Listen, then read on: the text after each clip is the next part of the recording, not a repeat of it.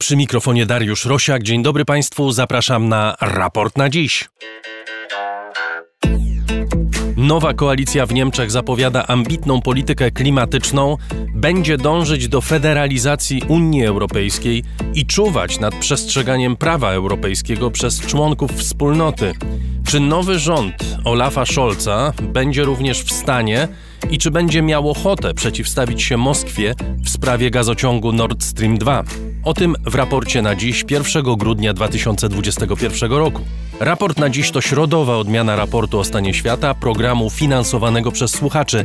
Za wszystkie wpłaty z serca Państwu dziękuję, a tych, którzy chcieliby zostać patronami raportu, zapraszam na mój profil w serwisie patronite.pl. Za jego pośrednictwem najłatwiej wesprzeć raport. Proszę słuchać wszystkich naszych programów. Przypominam, że od wtorku możecie Państwo słuchać ósmego odcinka naszej serii podcastowej pod tytułem Raport z przyszłości. Ten odcinek poświęcony jest sportowi. Jak pewnie część z Państwa wie, ze względu na chorobę autorki cyklu Agaty Kasprolewicz, na kilka tygodni zawieszamy publikację kolejnych odcinków. Wrócimy do nich, kiedy tylko będzie to możliwe. Z tych samych powodów musimy przełożyć grudniowy raport o książkach z udziałem publiczności, który planowaliśmy 12 grudnia w warszawskim Promie Kultury. Mam nadzieję, że spotkanie uda się zorganizować w innym terminie. Adrian Bąk jest dziś wydawcą, Chris Wawrzak realizuje program. Jesteśmy jak zwykle w studio Efektura w Warszawie. A moim gościem jest dr Anna Kwiatkowska, kierowniczka zespołu Niemiec i Europy Północnej w Ośrodku Studiów Wschodnich. Witam panią, dzień dobry. Dzień dobry, dzień dobry Państwu. Mamy nową koalicję, mamy jej dokument programowy liczący ponad 170 stron, wiele ciekawych wątków łączących interesy tych trzech partii tworzących rząd, czyli socjaldemokratów, zielonych i liberałów.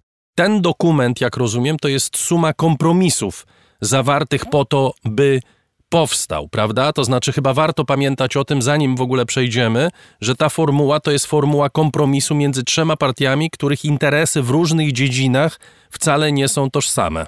Tak, to prawda. Taka jest prawda, chociaż retoryka jest troszkę inna. To znaczy, kanclerz przyszły, kanclerz Olaf Scholz, yy, przedstawiając ten program na konferencji prasowej wraz ze swoimi współkoalicjantami, powiedział, żeby nie odczytywać tego dokumentu jako jakby najmniejszego wspólnego mianownika, tylko że Y, no, na, na, jako wyraz takiego no, podejścia do najwyższych, najważniejszych wyzwań, jakie czekają Niemcy i Europę. Czyli po, powiedział, że y, jakby podeszli w dokumencie dużo bardziej ambitnie niż mogłoby to wskazywać właśnie to podejście, które no każdy ma rozsądny człowiek, który patrzy na tak różne partie wchodzące w koalicję, że będzie to jakiś y, duży kompromis.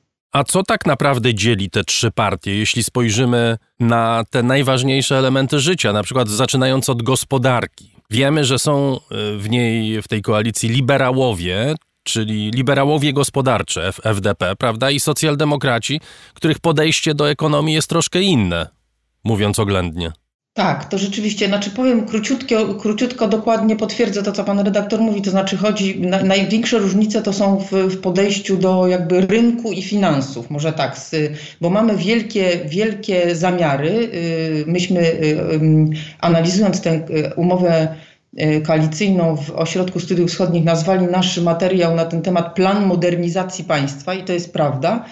Tylko, że te wielkie, ambitne plany trzeba jakoś sfinansować. Tu jest ta różnica, to znaczy, jak to zrobić z ministrem finansów, a będzie nim prawdopodobnie liberał, który mówi, że y, finansować trzeba te ambitne plany, ale jednak hamulec bezpieczeństwa za, zapisany w budżecie ma pozostać od 2023 roku ponownie w mocy, to znaczy ma wrócić do do, ma, mają Niemcy wrócić do przestrzegania go. A co to jest ten hamulec bezpieczeństwa?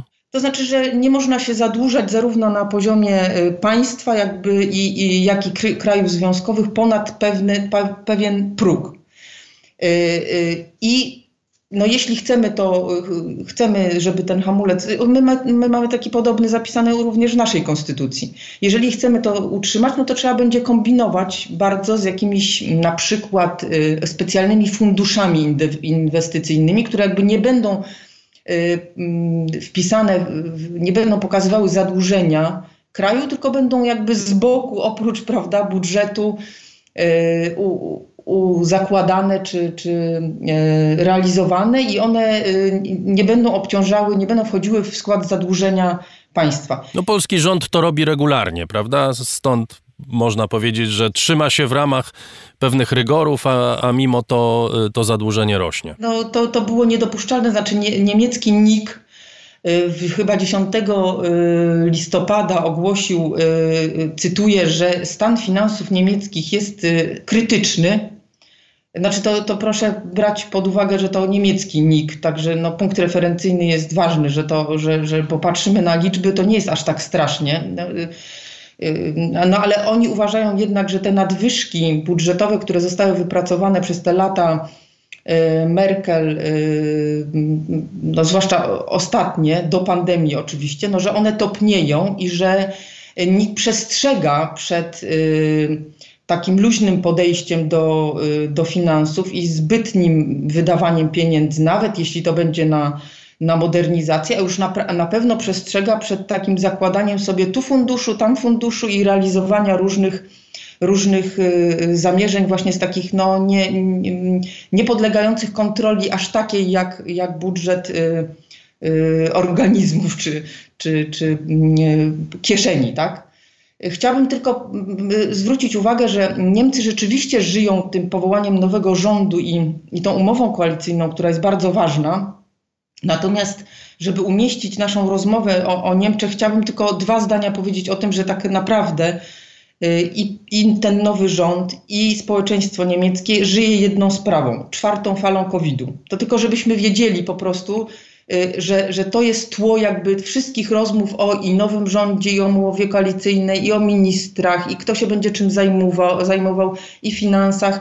Naprawdę nie ma większy, największego czy, czy bardziej takiego drażliwego tematu teraz niż, niż ten COVID. I, i dlatego to wspominam, że ten rząd wchodzi właśnie w takim bardzo trudnym momencie, y, do, obejmuje rządy i, i, i że będzie rozliczany z, z, właśnie z tych pierwszych stu dni, to znaczy czy on też potrafi, ten Scholz i ten rząd w kryzysy, jak to Merkel y, y, potrafiła, czy potrafi ogarnąć ten kryzys, który mamy teraz y, czwartej fali koronawirusa. I już możemy wrócić do umowy koalicyjnej. Dobrze, to za chwilę wrócimy do tej umowy, ale skoro wywołała Pani temat covid to pozostańmy przy tym temacie przez chwilę, dlatego że to jest oczywiście prawdopodobnie najważniejszy temat w większości krajów europejskich. Europa jest bardzo mocno dotknięta w tej chwili COVID-em.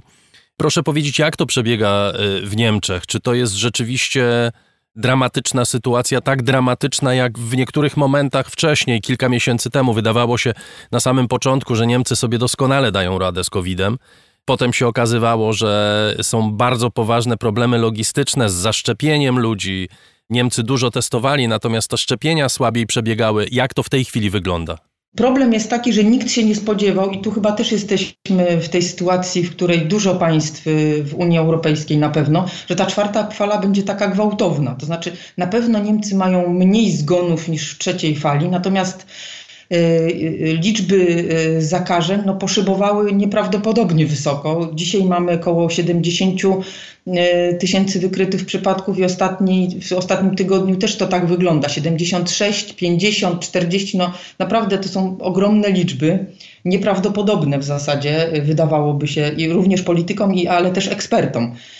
No i mamy lokalne przeciążenia systemu rzeczywiście. Saksonia, Turyngia czy Bawaria mają problem już z intensywną terapią, to znaczy z obłożeniem łóżek. No to jest oczywiście problem rozwiązywalny, bo są po prostu chorzy przewożeni Y, między landami, gdzie jest dużo lepsza sytuacja, więc radzą sobie. Natomiast no, rzeczywiście y, y, wciąż trwają obrady i to właśnie też denerwuje trochę i opinię publiczną i, i niektórych landowych premierów, że, że to są tylko obrady na razie, tak? Że, że na przykład wczoraj było jakieś spotkanie i nie, nie było tam zasadniczych jakichś kroków podjętych, chociaż te, które zostały 18 listopada i 24 listopada podjęte, już są y, no, w porównaniu na przykład do naszej sytuacji dosyć znaczące. Na tym ostatnim spotkaniu postanowiono, że do świąt, y, co wydaje mi się nieprawdopodobne, ale tak założyli, będzie wykonanych 30 milionów szczepień,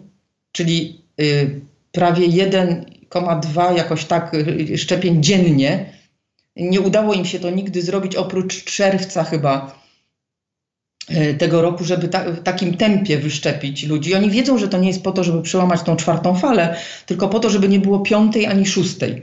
No plus te zasady 3G, tak? To znaczy możesz wejść i może, możesz wejść do komunikacji miejskiej czy do urzędu, czy do sklepu, jeśli jesteś albo zaszczepiony, albo jesteś człowieku dobry ozdrowieńcem, albo z aktualnym testem. Tak, tak, takie mają podejście i rzeczywiście to sprawdzają. Te paszporty są sprawdzane, tak? Tak, one są sprawdzane naprawdę i no, będą pewnie jeszcze bardziej, tym bardziej, że te lokalne władze dostały też prawo do wprowadzania lokalnych, y, y, lokalnych lockdownów, gdyby się sytuacja jakoś dramatycznie zmieniała. Powołano sztab kryzysowy, dodatkowy, jak rozumiem, no bo, bo w ogóle działa jeszcze ten sztab kryzysowy przy Merkel. W kancleramcie ma prowadzić go generał Karsten Breuer, który też sztab będzie na przykład, ponieważ to jest specjalista od logistyki, to myślę, że on dlatego już stoi na czele tego, stanął na czele tego sztabu, że on właśnie ma te logistyczne problemy wszystkie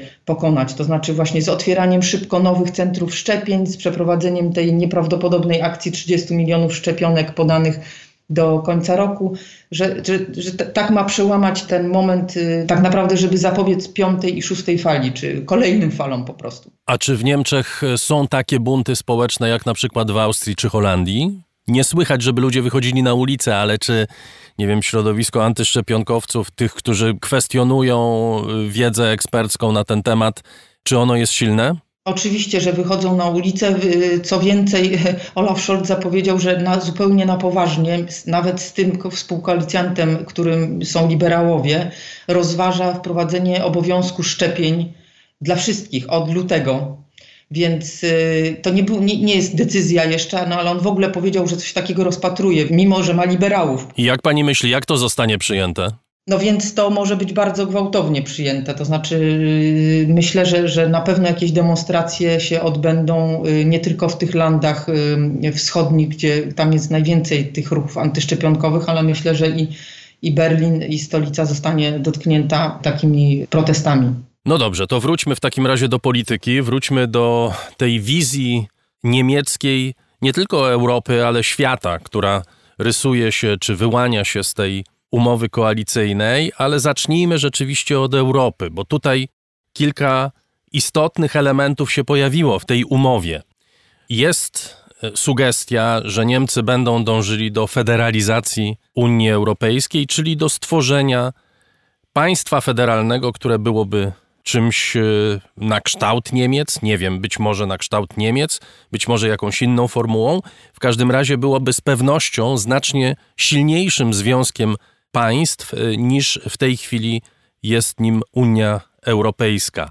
Na ile to jest określenie pewnego wyzwania, a na ile to jest plan realnej polityki? To znaczy, czy Niemcy naprawdę są gotowe i chcą otwierać traktaty europejskie i je zmieniać?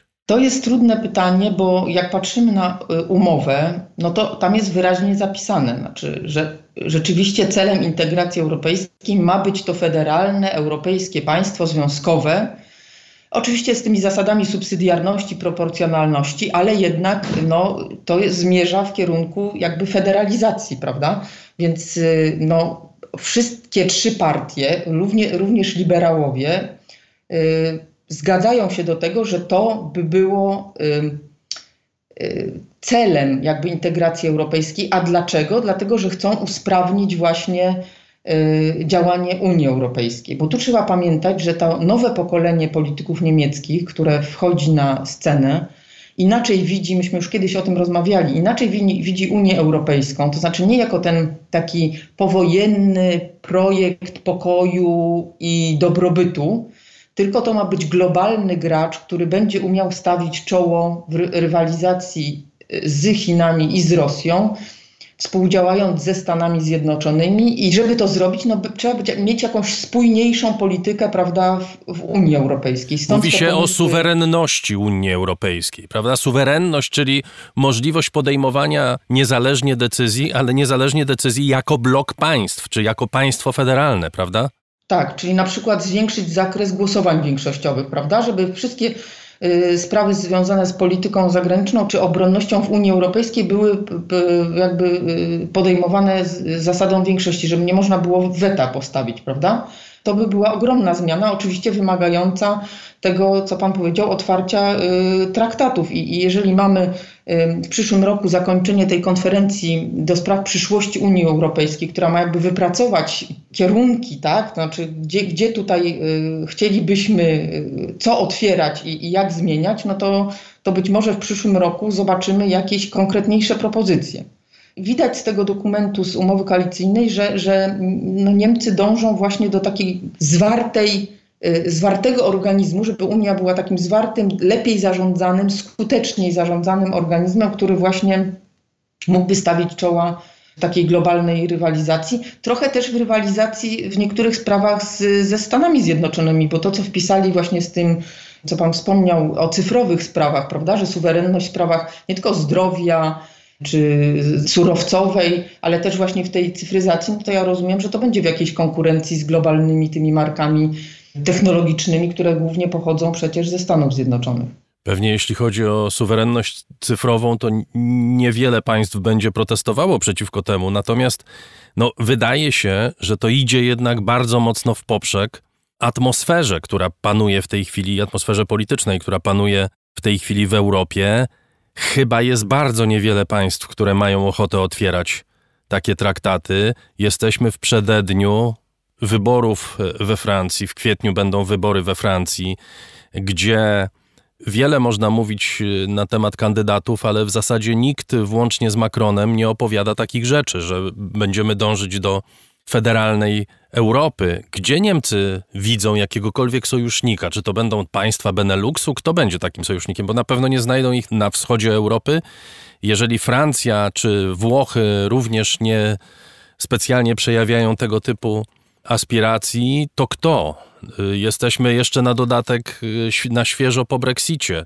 Gdzie widzą Niemcy szansę na to, żeby y, taka federalna Europa mogła rzeczywiście ujrzeć światło dzienne?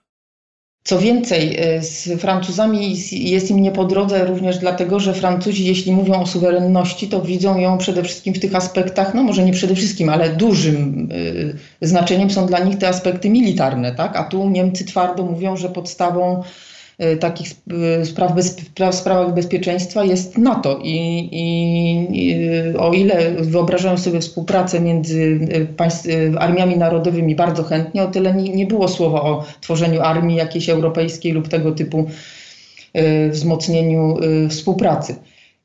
To znaczy tak, jeśli chodzi o tych, którzy chcieliby to robić z Niemcami, to jest, to jest specjalnie tak napisane w umowie koalicyjnej, że to jest cel. Tak?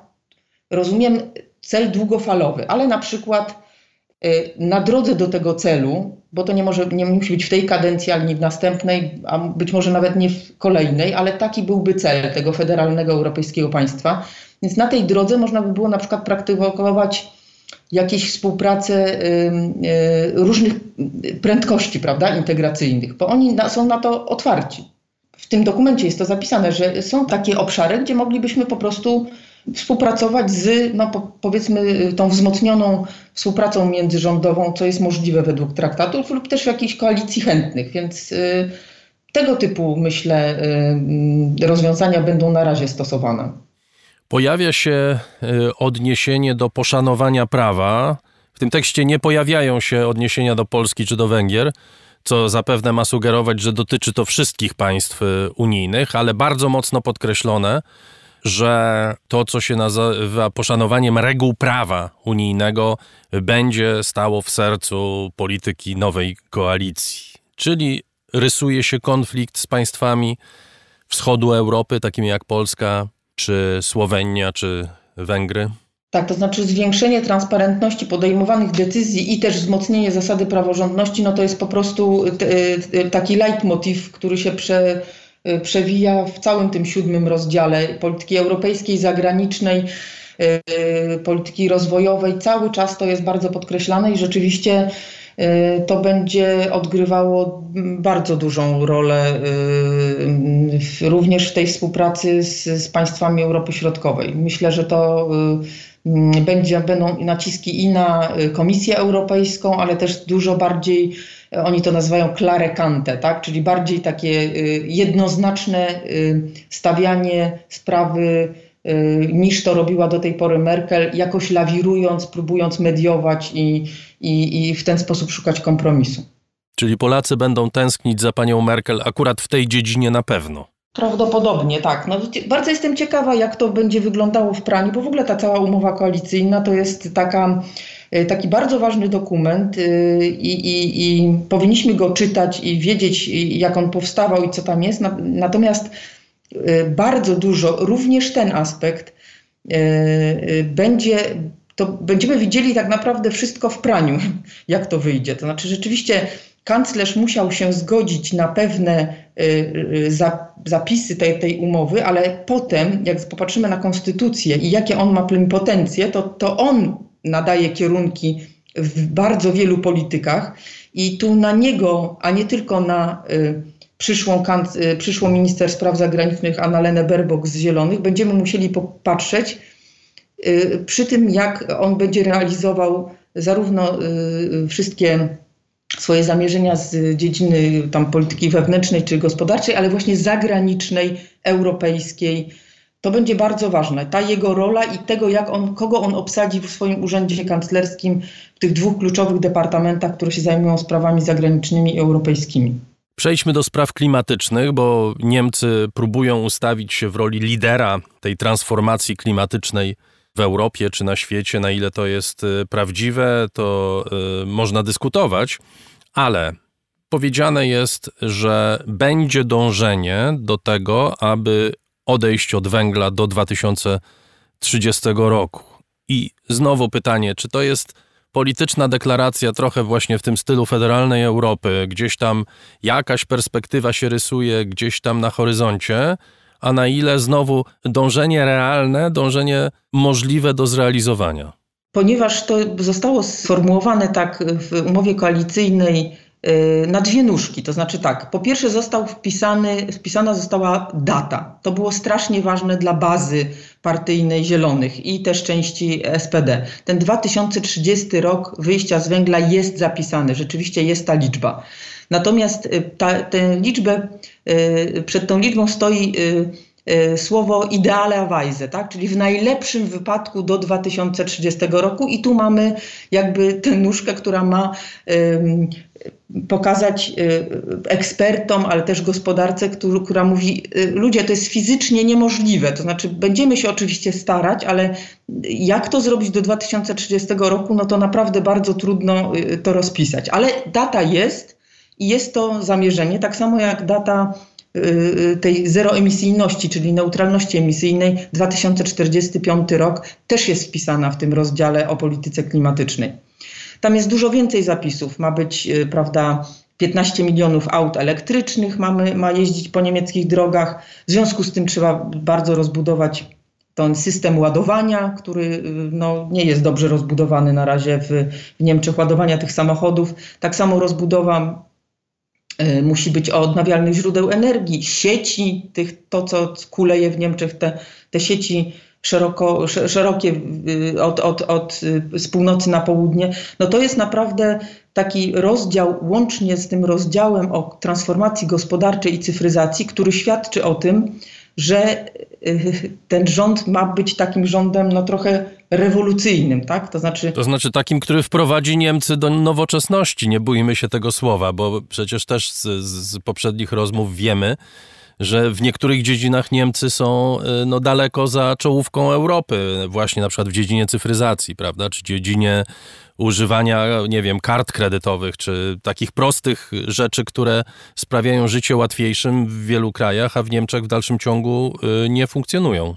To prawda, z jednym zastrzeżeniem, że, że jeśli chodzi o, o y, pozycję Niemiec w tej cyfryzacji takiej gospodarczej, to znaczy przemysłowej dokładnie, to oni nie są wcale, gdzieś są w połowie stawki, a my, ich jeden z największych partnerów, Y, jesteśmy na końcu tej stawki. Tu jest dla nas zadanie, żeby podciągnąć się mocno, bo y, we współpracy z takim partnerem, który właśnie bardzo mocno idzie w połączenie klimatu i gospodarki i tak chce modernizować swoją gospodarkę w kierunku tym zeroemisyjnym, a także bardzo mocno idzie w nowoczesny przemysł, tą czwartą rewolucję chce sprowadzać i, i mocno ucyfrowić swój przemysł, no to my tu musimy mocno nadgonić. Jeśli się uda te dwie nogi, właśnie tą cyfryzację i ten klimat w mm, przemyśle administracji, administracji przemyśle to cyfryzacja, ale klimat, modernizacja gospodarki niemieckiej pod względem tym zeroemisyjnym przeprowadzić.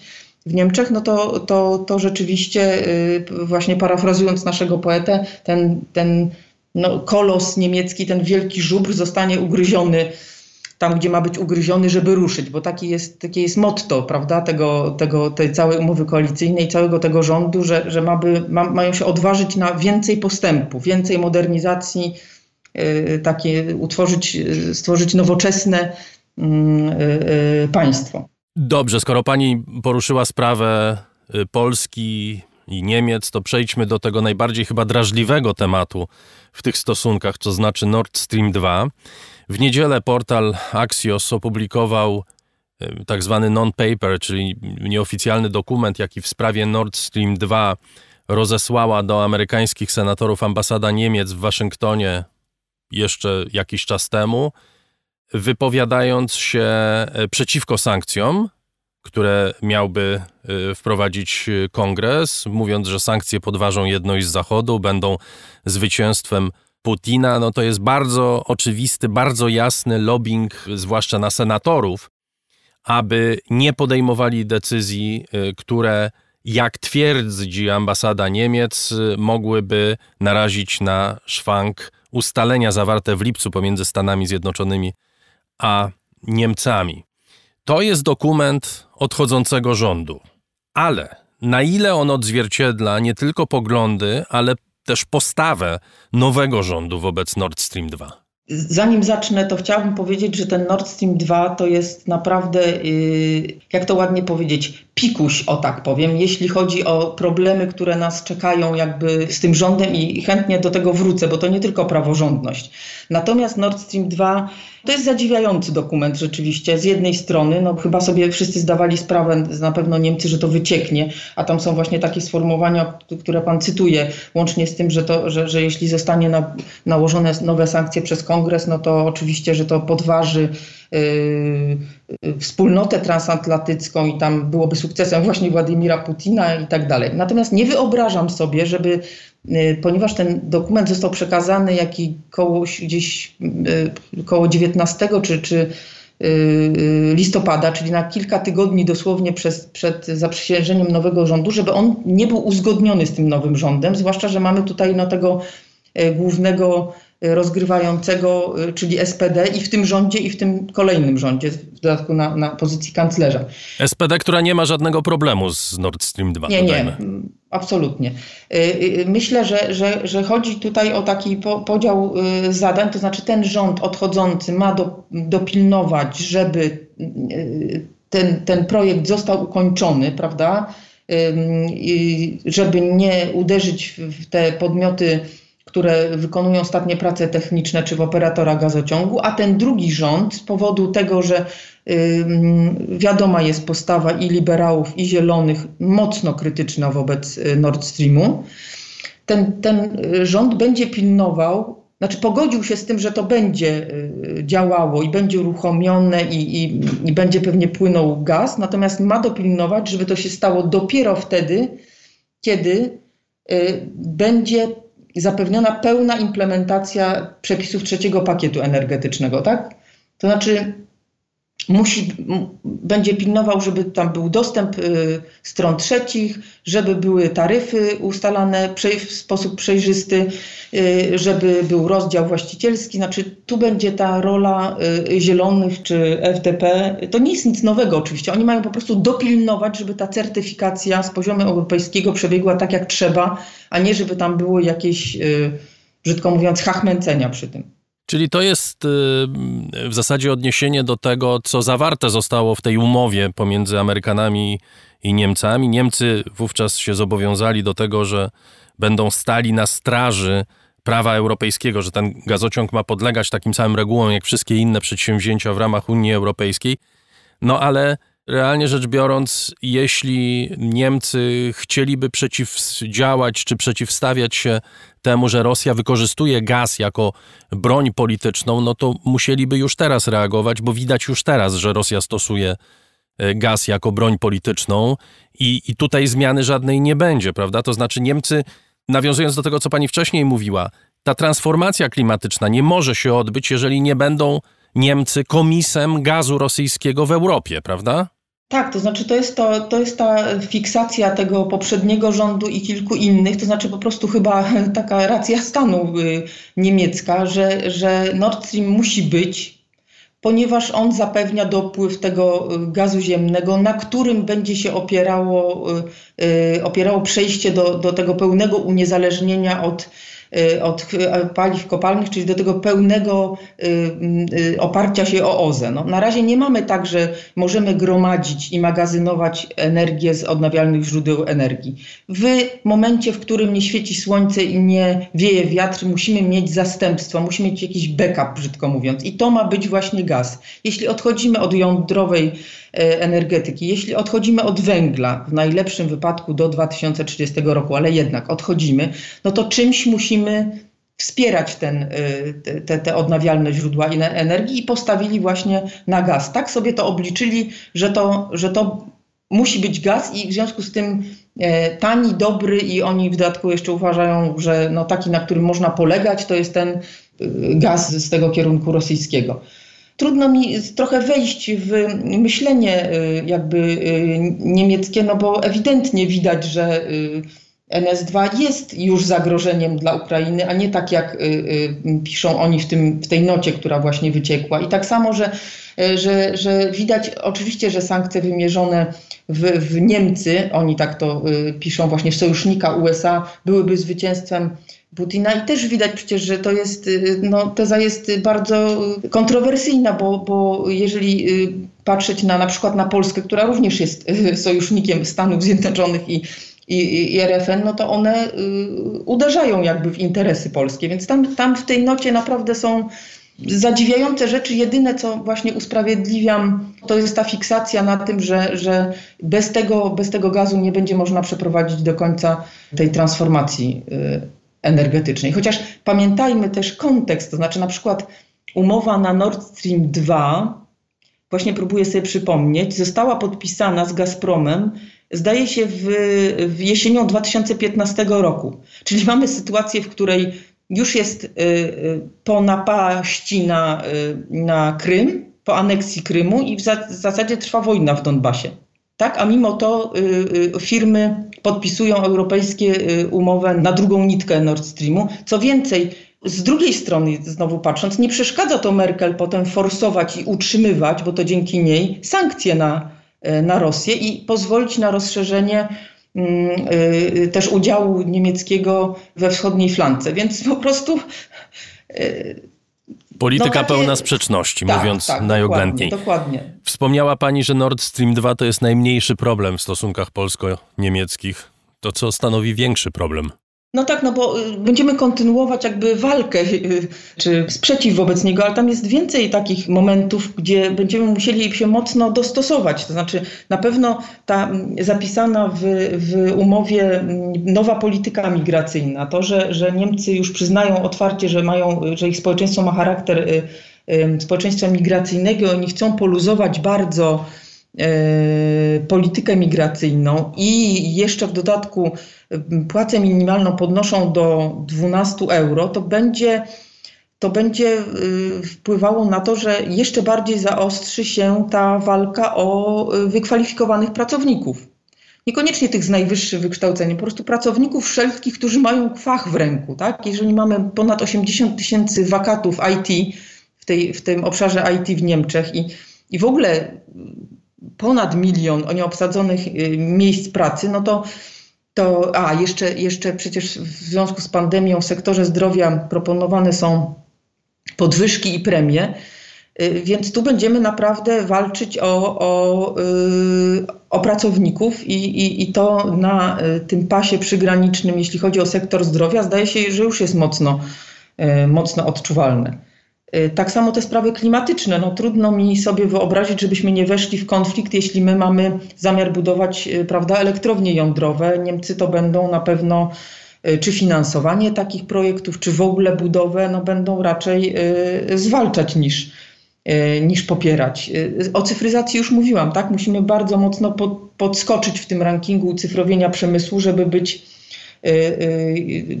dobrym partnerem dla, dla Niemiec, a jesteśmy z nimi bardzo mocno związani. No, wyjście z węgla, tu też będą naciski. Jeśli do 2030 jest taki cel wyjścia, no to trudno, żeby na przykład społeczeństwo obywatelskie niemieckie, niemieckie popierało y, eksport czy import z, z, z krajów, których gospodarka jest, y, bazuje na, na gospodarce węglowej. Mo, mogą być takie y, tego typu problemy.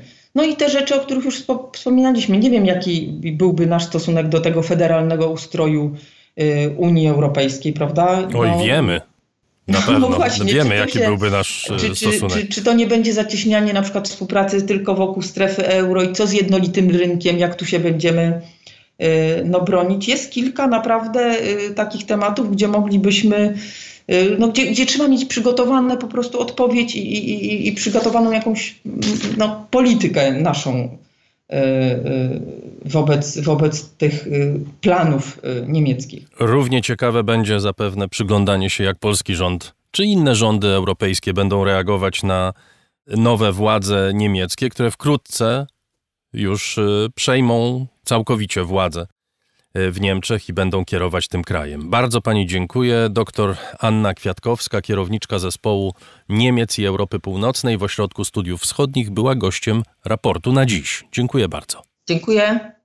I to już prawie wszystko w tym wydaniu raportu na dziś. Zapraszam Państwa na sobotę na raport o stanie świata. Zachęcam do słuchania naszych wszystkich programów i przypominam, że powstają one dzięki Państwu. Serdecznie za to dziękujemy.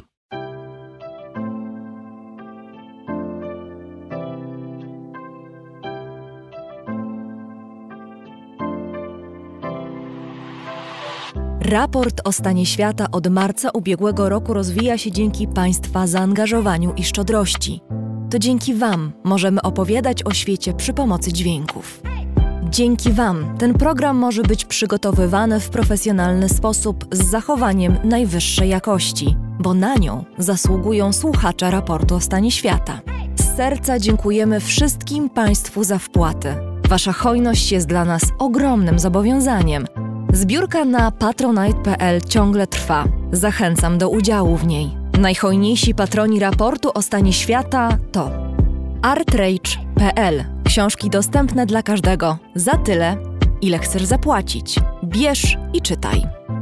Aureus. Leasing, kredyt, ubezpieczenia, księgowość. Sprawdź nas na www.aureus.pl. Hotel Bania Termal i Ski z pakietami świątecznymi i sylwestrowymi. Firma doradcza Crido. Handyhand.pl Zapewnimy nadzór nad Twoją budową, sprawdzimy stan techniczny lokalu przed zakupem lub odbierzemy go od dewelopera. Kantory Kanga sieć stacjonarnych kantorów kryptowalutowych w Twoim mieście. Centrum Roślin Doniczkowych Ładne Kwiatki Tomaszewski w Warszawie tomaszewski.pl Razem w przyszłość. Polsko-Japońska Akademia Technik Komputerowych. Warszawa, Gdańsk, Bytom. Firma Prosper z Sosnowca. Hurtownia elektroenergetyczna i właściciel marki Czystuś. Firma Venterm z Niepołomic. Generalny wykonawca instalacji sanitarnych i odnawialnych źródeł energii. Catering dietetyczny Lightbox, oferujący dietę pudełkową z wyborem potraw z różnych kuchni świata. Michał Małkiewicz. Firma Software Mill. Od zawsze zdalni. Programują dla całego świata. Dom wydawniczy Muza. Bo świat nie jest nam obojętny.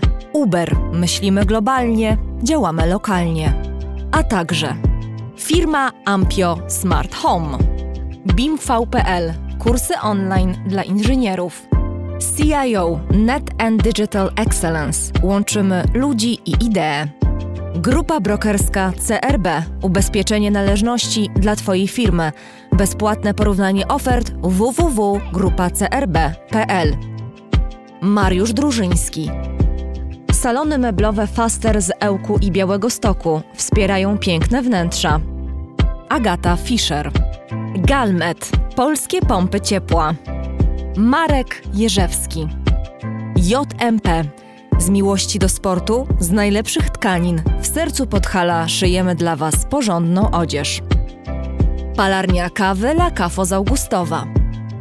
LSB Data. Dedykowane aplikacje internetowe dla biznesu. Masz pomysł? Zrealizujemy go. lsbdata.com Gosia i Michał Kowalczewscy. Alan Meller. Aplikacja Moja Gazetka. Polska proekologiczna aplikacja zakupowa z gazetkami promocyjnymi i nie tylko. Moja Gazetka. Kupuj mądrze. Paweł Nowy Nowak. Wydawnictwo SQN. Więcej niż książka. www.wsqn.pl Drukarnia cyfrowa totem.com.pl. Dla nas książka zasługuje na najwyższą jakość.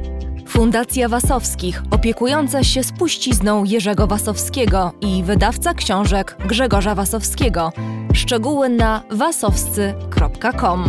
Wayman oprogramowanie wspomagające firmy inżynieryjne w zarządzaniu projektami, stworzone przez polskich inżynierów dla sektora projektowego www.wayman Software. Dziękujemy bardzo. To dzięki Państwu mamy raport o stanie świata.